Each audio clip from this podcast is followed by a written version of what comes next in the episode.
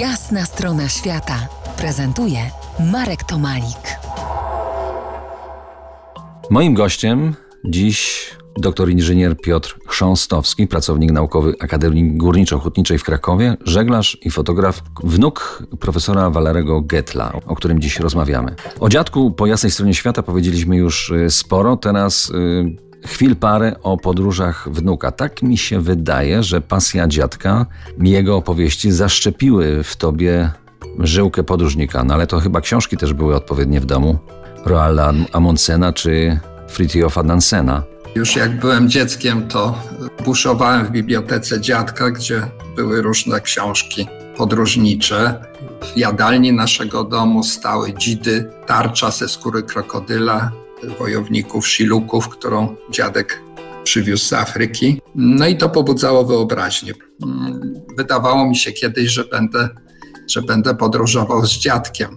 Było to niemożliwe, no i do, dopiero w trakcie studiów na Akademii Górniczo-Hutniczej zrodziły się możliwości podróżowania. No i w lutym 2017 roku wziąłeś udział w tak zwanym rejsie życia. To był miesięczny rejs na Antarktydę. Nawiązaliście łączność z ukraińską stacją badawczą Wernanski na wyspie Galindes. Ugościli was Ukraińcy? Tak, to było bardzo. To jest zresztą stacja, która słynie z gościnności. Próbowaliśmy wcześniej okolicach wyspy Adelaidy porozumiewać się z brytyjską stacją badawczą, ale warunki pogodowe też nie pozwoliły na wpłynięcie, no i oni nie byli zbyt gościnnie nastawieni. Natomiast ze stacją Ukraińców mamy bardzo miłe wspomnienia, dlatego że tam zakotwiczyliśmy w Zatoce. Później zostaliśmy gościnnie przyjęci na tej stacji. Tam zresztą znajduje się słynny bar, zbudowany jeszcze przez Anglików, dlatego że tą stację mm, założono w 1947 roku. Później Brytyjczycy sprzedali za jednego funta Ukraińcom.